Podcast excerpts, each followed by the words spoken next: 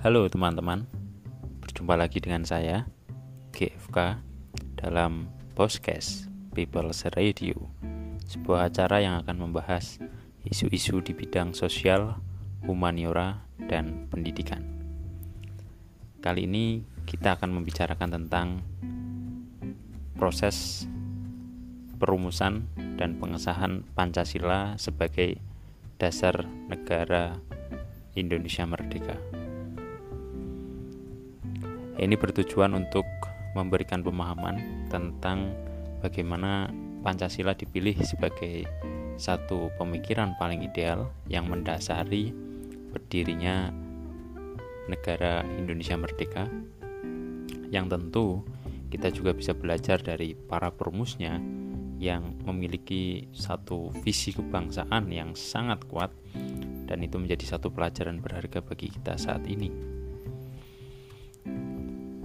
Kita tahu bahwa Pancasila sebagai dasar negara itu tidak tiba-tiba muncul dan tidak tiba-tiba lahir begitu saja tetapi hal pertama yang harus kita ketahui adalah ada proses dialog intelektual di dalam perumusan Pancasila itu. Terhitung sejak April 1945 ketika BPUPK atau Badan Penyelidik Usaha-usaha Persiapan Kemerdekaan yang dibentuk pada waktu itu atas kerjasama Jepang dan kaum pergerakan bertujuan untuk menyelidiki dan menggali informasi tentang apa sih yang dibutuhkan untuk menjadi negara yang merdeka. Apa kebutuhan negara merdeka itu? Negara merdeka itu seperti apa bentuknya? Lalu ada satu gagasan yang paling mendasar yaitu dalam melakukan segala hal dalam berupaya untuk mewujudkan segala hal kita harus memiliki dasar atau latar belakang yang kuat lalu muncul satu wacana yang sangat menarik khususnya dari para kaum pergerakan apa dasar Indonesia merdeka itu masa mau berdiri sebagai sebuah bangsa yang merdeka kok kita tidak memiliki dasar dan landasan yang kokoh. Itu sama saja kita sedang menceburkan diri di dalam mara bahaya. Untuk itu, dasar ini menjadi satu hal yang sangat pokok dan proses diskusinya itu sudah berlangsung sejak April. Lalu pada bulan Mei 1900 45 para tokoh pergerakan itu mulai bergerak dan mengadakan sidang-sidang di dalam forum BPUPK tadi untuk membicarakan atau mempersiapkan yang paling pertama dan ini dilakukan pada sidang pertama BPUPK adalah rancangan dasar negara Indonesia merdeka. Dalam sejarah resmi kita tahu bahwa ada tokoh-tokoh yang mengemukakan pendapatnya di dalam forum itu terkait dengan pemikiran tentang dasar negara Indonesia merdeka. Misalnya dari Profesor Muhammad Yamin pada tanggal 29 Mei 1945 yang memberi judul pidatonya tentang dasar negara di sidang BPUPK dengan kalimat asas dasar negara kebangsaan Republik Indonesia. Ada lima hal yang disodorkan. Yang pertama adalah peri kebangsaan, peri kemanusiaan, peri ketuhanan, peri kerakyatan, dan kesejahteraan rakyat. Dalam rangka berpikir yang disampaikan Pak Muhammad Yamin, itu berorientasi pada aspek-aspek kerakyatan dan kehidupan sosial. meskipun di dalam isi pidatonya juga disampaikan tentang religiusitas, tentang kemanusiaan dan hubungan antar bangsa tentu dan sikap kebangsaan. Lalu pada tanggal 31 Mei 1945 Profesor Dr. Mr. Supomo juga berpidato menguraikan teori negara secara yuridis. Berdirinya negara, bentuk negara dan pemerintahan serta hubungan antara negara dengan agama. Disusul oleh uh, pidato tambahan dari Profesor Muhammad Yamin yaitu yang menguraikan tentang daerah negara kebangsaan Indonesia ditinjau dari segi yuridis, historis, politis, sosiologis, dan geografis yang secara konstitusional meliputi seluruh Nusantara Raya. Apa itu Nusantara Raya? Nusantara Raya adalah wilayah yang diklaim sebagai daerah koloni dari kerajaan Belanda dari Sabang sampai Merauke. Pada kesempatan itu juga ada pidato dari Pak Dahlan yang menguraikan masalah golongan bangsa Indonesia, peranakan Tionghoa, India, Arab, dan Eropa yang telah turun-temurun tinggal di Indonesia. Ditambah dengan pidato dari Muhammad Hatta atau Bung Hatta yang menguraikan masalah bentuk negara persekutuan, bentuk negara serikat, dan bentuk negara persatuan.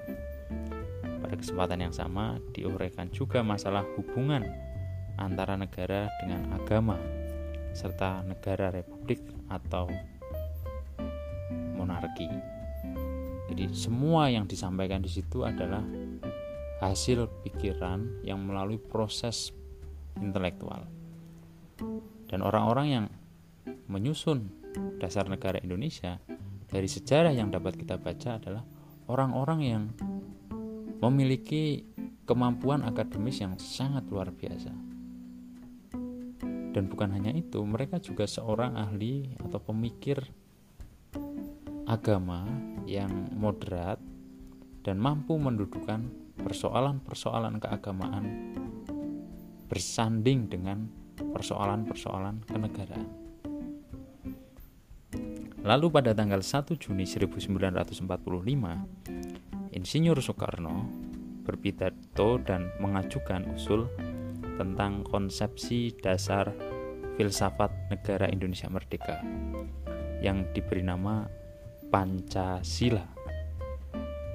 Nama ini adalah satu masukan dari seorang sahabat Bung Karno ahli bahasa yang dimintai saran secara langsung oleh Bung Karno. Di waktu itu pikiran dari Bung Karno itu sudah disiapkan satu gagasan yang akhirnya kita kenal hingga saat ini dengan nama Pancasila itu. Tetapi ada satu perbedaan. Pada waktu itu susunannya yang pertama adalah nasionalisme atau kebangsaan Indonesia. Yang kedua internasionalisme atau perikemanusiaan yang ketiga, mufakat atau demokrasi. Kemudian ada kesejahteraan sosial yang keempat dan yang terakhir adalah ketuhanan yang berkebudayaan. Secara garis besar, pikiran yang disampaikan Bung Karno yang diberi judul Pancasila itu telah diadopsi ke dalam kerangka dasar Pancasila yang saat ini kita anut sebagai satu dasar negara. Sehingga dalam buku Sejarah Nasional Indonesia diceritakan bahwa penggali dari Pancasila itu adalah Insinyur Soekarno atau Bung Karno. Dan Bung Karno tidak mau disebut sebagai penemu atau pencipta Pancasila, tetapi Bung Karno adalah penggali Pancasila. Makna menggali di dalam istilah yang disebutkan Bung Karno adalah sebenarnya seperti yang sudah kita bahas Pancasila itu sudah hidup di tengah-tengah masyarakat Indonesia sebelum kita memasuki era modern. Dan karena sudah hidup itu kemudian nilai-nilai Pancasila itu sudah lestari. Dan posisi Bung Karno itu menggali dan mempromosikan ulang nilai-nilai tersebut ke dalam satu pemikiran konseptual yang bisa dipahami secara umum. Lalu tokoh-tokoh yang berpidato juga pada tanggal 1 Juni 1945 adalah Abi Kusno Cokro Suyoso, Sutarjo Karto Hadikusumo, Ki Bagus Hadikusumo, dan Lim Kon Hyun. Ini menjadi satu uh, pembahasan yang menarik karena ada satu tokoh Tionghoa yang juga memberikan pandangannya tentang dasar negara. Artinya, pada waktu itu pluralisme dan toleransi itu sudah hidup di masyarakat kita kita sudah sangat terbuka dengan perbedaan. Dan itu menjadi satu pelajaran yang benar ketika kita refleksikan pada saat ini, barangkali sebagian kita masih melihat bahwa perbedaan itu adalah satu persoalan, permasalahan. Kita kaget dengan sesuatu yang berbeda. Misal dalam menyikapi isu-isu ketionghoaan. Kita kaget. Bahkan kita berpandangan cenderung diskriminatif ada stigma di masyarakat bahwa orang Tionghoa itu pelit, orang Tionghoa itu elitis. Itu merupakan satu sudut pandang yang jauh dari toleransi dan pluralisme. Ketika ada satu generalisasi pikiran, generalisasi pandangan, yang padahal tidak semua dari orang-orang Tionghoa itu memiliki perilaku tersebut.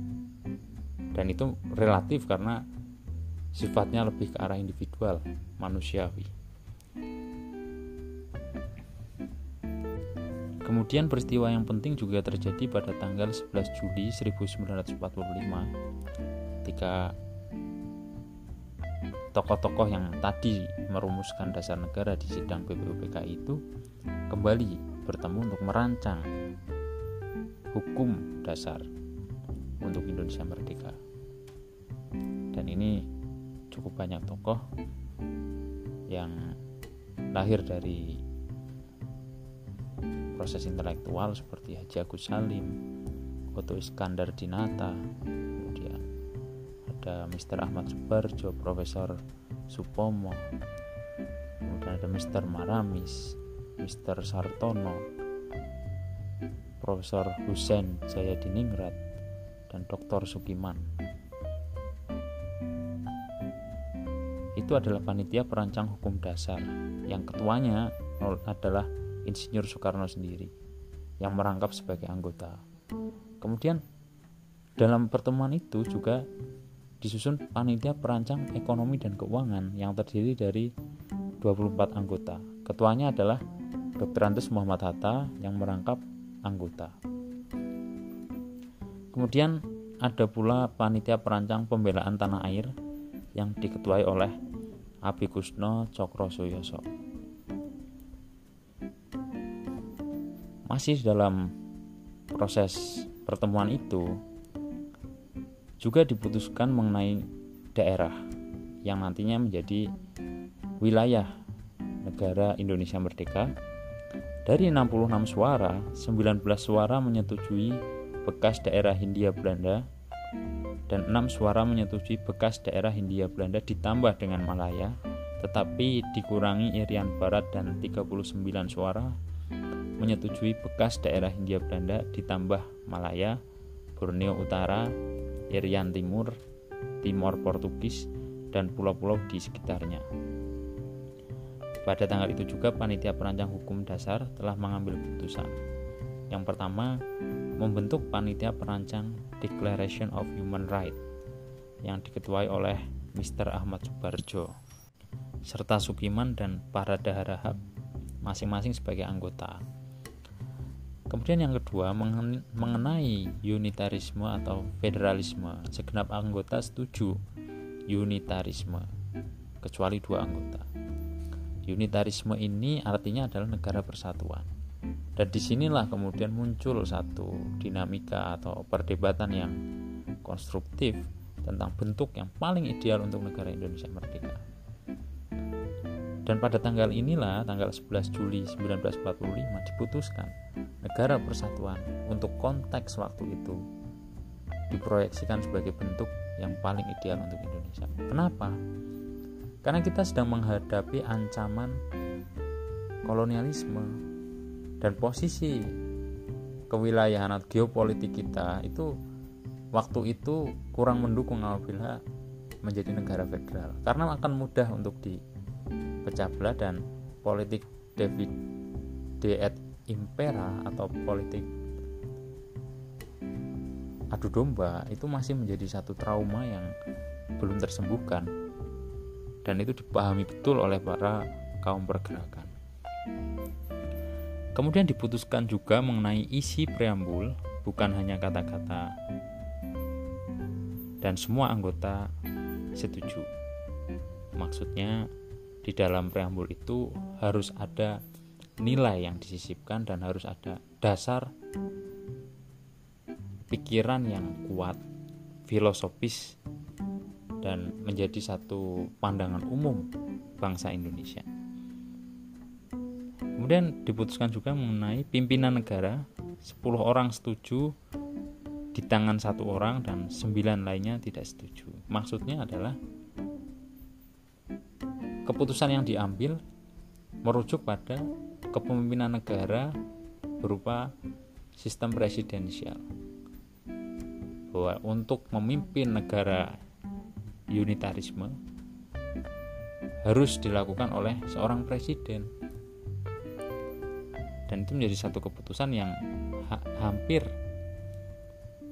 mewakili semua keinginan dari tokoh pergerakan meskipun ada juga yang belum sepakat atau belum memiliki jawaban tetapi dari pemilihan itu dan dari keputusan yang dibacakan hingga saat ini kita masih menganut sistem presidensial. Pada tanggal 13 Juli 1945 dalam sidangnya panitia kecil perancang hukum dasar berhasil menghimpun usulan yang penting, yaitu kedaulatan dilakukan oleh Badan Permusyawaratan Rakyat yang bersidang sekali dalam lima tahun, dan badan ini sebagai pemegang kekuasaan yang tertinggi. Di kemudian hari, badan ini dikenal dengan nama Majelis Permusyawaratan Rakyat. Yang kedua, tugas sehari-hari dilaksanakan oleh Presiden yang dibantu oleh wakil presiden. Menteri-menteri yang bertanggung jawab kepadanya dan oleh Dewan Pertimbangan Agung. Yang ketiga, dalam membentuk undang-undang, presiden harus mufakat dengan Dewan Perwakilan Rakyat. Yang keempat, rancangan hukum dasar terdiri dari 15 bab, 42 pasal termasuk 5 pasal aturan peralihan dan satu pasal aturan tambahan. Untuk memperbaiki redaksi rancangan hukum dasar tersebut, dibentuklah panitia penghalus bahasa yang terdiri dari Hussein Jayadiningrat, Haji Agus Salim, dan Mr. Supomo.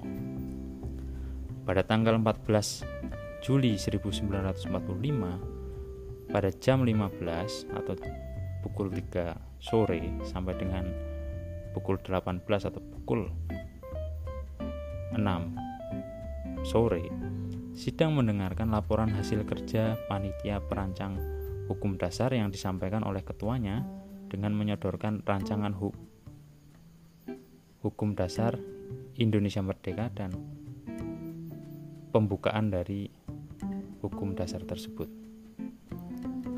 Pada tanggal 15 dan 16 Juli 1945 pada jam 10.20 Sidang dimulai dengan acara pokok membicarakan rancangan hukum dasar. Pada kesempatan itu, Ketua Panitia Rancangan Hukum Dasar yaitu Insinyur Soekarno menyampaikan konsep rancangan hukum dasar dengan penjelasannya dan disampaikan pula usul Dr. Andus Muhammad Hatta tentang hak-hak asasi manusia. Bahkan sebelum Indonesia merdeka, kita sudah berbicara tentang human right atau hak-hak asasi manusia. Ternyata kolonialisme dan di penghujung kolonialisme ketika bangsa kita sudah mengenal proses pendidikan kita juga sudah mengenali human right hak asasi manusia. Dan ini merupakan satu kemajuan berpikir yang perlu kita ingat ketika saat ini hak asasi manusia itu masih menjadi satu pembahasan yang kurang serius dan beberapa kasus yang menyangkut hak asasi manusia setelah Indonesia merdeka justru tidak mengalami penyelesaian yang serius. Salah satunya adalah kasus Munir yang terdekat. Dan kita patut berefleksi bahwa para pendiri bangsa kita yang dipelopori oleh Muhammad Hatta itu sudah mulai membicarakan human right menjelang kemerdekaan. Itu menjadi satu hal yang sangat penting untuk kita renungi pada tanggal 16 Juli 1945, sidang dimulai dengan melanjutkan acara hari sebelumnya. Sidang menyetujui dan menerima rancangan hukum dasar yang diajukan oleh panitia perancang hukum dasar. Setelah sidang BPUPK yang kedua ini ditutup, maka praksis tugas BPUPK dianggap selesai dan kemudian badan tersebut dibubarkan. Hasil-hasil yang dicapai oleh BPUPK seharusnya segera dilaporkan kepada pemerintah Jepang di Tokyo. Tetapi karena keadaan dan posisi Jepang yang semakin memburuk, tersudut di dalam perang Pasifik, sehingga hal itu tidak mungkin untuk dilakukan. Kemudian untuk melanjutkan tugas-tugas BPUPK dibentuklah suatu badan yang diberi nama Dokuritsu Hyunbei Inkai atau Panitia Persiapan Kemerdekaan Indonesia atau dikenal juga dengan istilah PPKI. Kemudian, tanggal 9 Agustus 1945 sebagai hari pembentukan PPKI dan dalam tempo yang sangat cepat Jepang telah menyerah kepada sekutu pada tanggal 14 Agustus 1945 setelah sebelumnya pada tanggal 6 dan 9 Agustus kota Hiroshima dan Nagasaki dihancur leburkan oleh bom atom dan sebelumnya di bulan April Tokyo telah menjadi sasaran brutal sekutu untuk menyudutkan Jepang di dalam perang Pasifik. PPKI merupakan badan bentukan pemerintah bala tentara Jepang tetapi bukan alat pemerintah Jepang. Sebab ada tiga alasan. Yang pertama, PPKI bekerja sesudah Jepang tidak berkuasa lagi atau Indonesia mengalami status quo. Kemudian PPKI bekerja atas dasar keyakinan, pemikiran dan caranya sendiri untuk mencapai Indonesia merdeka. Yang ketiga, PPKI merupakan suatu badan perwujudan atau perwakilan rakyat Indonesia dan setelah Jepang menyerah kemudian kaum pergerakan sudah memiliki segala peralatan untuk membentuk negara Indonesia merdeka dan melalui satu proses politik perdebatan golongan tua dan golongan muda tentang hari kemerdekaan. Golongan tua masih meyakini 24 Agustus sebagai hari kemerdekaan sedangkan golongan muda menginginkan kemerdekaan itu dilaksanakan secara cepat dan dalam proses perdebatan itu kita mengenal peristiwa Rengas Dengklok pada tanggal 16 Agustus satu hari sebelum Indonesia merdeka dan itu adalah satu peristiwa penculikan Insinyur Soekarno dan Dr. Hans Muhammad Hatta oleh golongan pemuda yang dipelopori oleh golongan muda dari kelompok Menteng 31. Kelompok Menteng 31 adalah salah satu motor penggerak pemuda-pemuda yang memiliki pemikiran maju dan berjuang untuk kemerdekaan. Dan melalui proses itu ketika perdebatan terjadi akhirnya semua sepakat 17 Agustus adalah hari yang tepat untuk melaksanakan kemerdekaan. Pasca penculikan, Bung Karno dan Bung Hatta kemudian dikembalikan ke Jakarta untuk menyusun rencana proklamasi yang akan dilakukan di hari 17 Agustus. Dan pada waktu itu juga kita mengenal ada peran seseorang laksamana angkatan laut Jepang yang kita kenal dengan Maeda. Ia memiliki peran yang sangat besar yaitu menyediakan tempat untuk kaum pergerakan di dalam menyusun rencana proklamasi dan teks proklamasi kemerdekaan Indonesia. Pada pukul 10 tanggal 17 Agustus, proklamasi dikumandangkan di